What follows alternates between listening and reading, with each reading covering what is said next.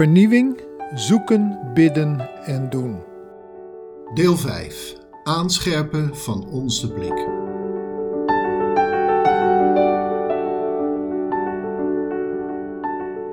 Het afgelopen jaar was bijzonder. Corona verdween naar de achtergrond, maar er kwam geen ontspanning. We kregen er nieuwe uitdagingen voor in de plaats. Ik denk dan aan de oorlog in Oekraïne, de gestegen energieprijzen en de inflatie. Andere thema's, zoals de vluchtelingen en het klimaat, bleven om onze aandacht vragen. En het stikstofbeleid van de regering heeft in de zomermaanden de gemoederen in onze samenleving hoog doen oplopen. Het was duidelijk geen jaar van normalisering. Er is geen weg terug naar hoe het was voor corona. Dit ervaren momenteel ook de kerken in Nederland. Corona heeft iets in gang gezet en zij krijgen nu de klappen te verwerken. Het wordt minder. Minder bezoekers, minder leden, minder inkomsten, minder betrokkenheid, minder jongeren en minder eenheid. Hoe gaan we het nieuwe jaar in? Hopen we dat het zal meevallen? Gaan we gewoon verder alsof er niks aan de hand is? Worden we somber over de toekomst van de kerk? Gaan we in paniek de boel omgooien? Ik denk dat deze tijd om onderscheidingsvermogen vraagt. Er is behoefte aan scherp inzicht in wat er aan het gebeuren is. Daarom doe ik aan het begin van een nieuw jaar een oproep om onze blik aan te scherpen. En hiervoor reikt Paulus ons in 2 Korintiërs twee behandelingen aan. Twee oefeningen om scherper te gaan zien. Ten eerste moet de waas weg uit onze ogen.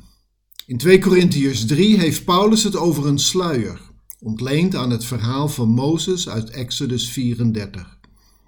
Daar staat dat Mozes steeds zijn gezicht bedekte met een sluier nadat hij met God had gesproken, omdat het volk Israël bang was voor de glans op zijn gezicht.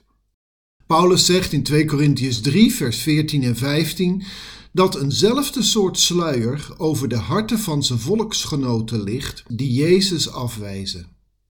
Iets verderop schrijft hij dat dit ook voor alle ongelovigen geldt, van wie de gedachten door de God van deze wereld zijn verblind, waardoor ze het licht van het evangelie niet kunnen zien. De luister van Christus, die het beeld van God is. Tegenover dit blind zijn voor het licht van Christus plaatst Paulus zijn getuigenis en dat van vele anderen. Want de God die heeft gezegd: Uit de duisternis zal licht schijnen, heeft in ons hart het licht doen schijnen, om ons te verlichten met de kennis van zijn luister, die afstraalt van het gezicht van Jezus Christus. Er zijn dus volgens Paulus mensen die een dusdanige waas in de ogen hebben, waardoor zij het licht van het evangelie niet meer scherp zien of helemaal niet zien. Ze houden zich te veel bezig met allerlei zichtbare en tijdelijke dingen. Wereldse zaken, zouden we zeggen. Door die waas zien zij niet meer scherp waar het om draait. Zij zien niet de beslissende betekenis van Christus en houden zich te veel bezig met zaken die in het licht van Christus bijzaken zijn geworden. Paulus wist waarover hij sprak. Ook hij had eens een behoorlijke waas in de ogen, waardoor hij meende de christenen te moeten vervolgen. Maar dat hij het licht van Christus had gezien op weg naar Damascus, verdween die waas en zag hij de dingen heel scherp. Het draaide vanaf dat moment niet meer om het houden van de regels van de wet, hoe belangrijk die wet ook is, maar of men in Christus een nieuwe schepping is. Of zoals het in hoofdstuk 3, vers 18 verwoord wordt, dat wij met onbedekt gezicht, dus zonder waas in de ogen, de luister van de Heer weerspiegelen en door de geest van de Heer meer en meer naar de luister van dat beeld veranderd worden. Maar hoe krijgen we die waas nu uit onze ogen? Hoe valt die sluier van het hart? Het antwoord is heel simpel. Door ons tot Christus te wenden. Zoals Mozes steeds weer de tent van de samenkomst inging om tijd met God door te brengen en dan met een stralend gezicht naar buiten kwam, zo zullen wij tijd met Christus moeten doorbrengen. Concreet betekent dit meer bidden, meer Bijbel lezen, meer tijd in het lichaam van Christus, de gemeenschap van heiligen, de gemeente, doorbrengen, meer het geloofsgesprek opzoeken. In ons drukke leven met volle agenda's betekent dit dat we onze prioriteiten moeten veranderen. Meer tijd investeren in wat echt belangrijk is en minder in de niet-essentiële zaken. Ten tweede moeten we de focus bijstellen. Paulus vergelijkt het licht van Jezus Christus dat in ons hart schijnt met een schat. Echter, die schat zit wel in een broze aardepot. Of zoals hij het schrijft in hoofdstuk 4, vers 7: Wij zijn slechts een aardepot voor deze schat. Het moet duidelijk zijn dat onze overweldigende kracht niet van onszelf komt, maar van God. Die aardepot is de kwetsbaarheid van het leven. Het doodgewone wat niet spectaculair is. Het zijn de verwondingen van het leven waar wij mee rondlopen. De teleurstellingen, de tegenslagen. En die aardepot is net zo aanwezig in ons leven als de schat. Paulus blijft dus heel realistisch en ontkent de moeilijkheden van het leven niet.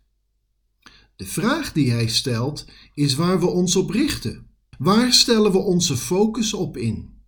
De schat of de aardepot? Paulus werd in de gemeente van Korinthe afgerekend op zijn prediking en zijn voorkomen. In vergelijking met anderen was hij in de ogen van zijn critici geen sterk charismatisch leider. In zijn eerste brief had hij al aan de gemeente gezegd dat dit ook niet zijn doel was. Hij zegt daar: Ik kwam bij u in al mijn zwakheid en was angstig en onzeker.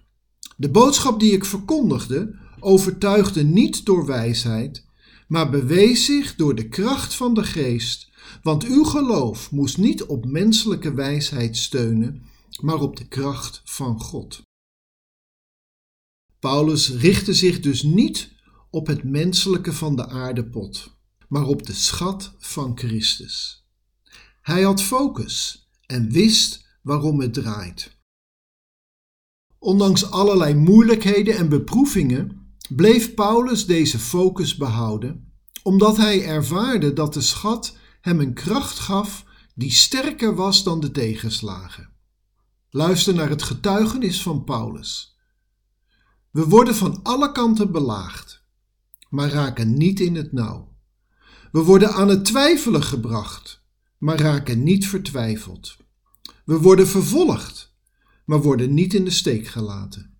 We worden geveld, maar gaan niet te gronden. We dragen in ons bestaan altijd het sterven van Jezus met ons mee, opdat ook het leven van Jezus in ons zichtbaar wordt. Tot zover het getuigenis van Paulus. Deze focus op het werk van God geeft ons moed in tijden dat de kerk het moeilijk heeft. We krimpen misschien, maar zullen niet verdwijnen en kunnen als zout der aarde zelfs meer impact hebben. De doorgaande lijn in het Oude Testament ging in moeilijke tijden altijd via een minderheid, een kleine groep die de focus behield op waar het om draait. De kerk is door alle eeuwen heen steeds door lastige periodes gegaan, waarin werd afgebroken wat niet goed zat. Steeds weer wordt het lichaam van Christus een menselijk bolwerk gemaakt en worden bijzaken tot hoofdzaken, omdat de focus niet meer scherp is ingesteld. Dus steeds weer heeft de kerk behoefte aan vernieuwing en hervorming. Jezus zelf sprak over afsnijden en snoeien.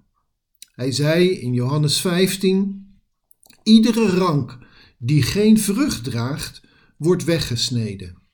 En iedere rank die wel vrucht draagt, wordt gesnoeid, opdat de ranken meer vrucht zullen dragen.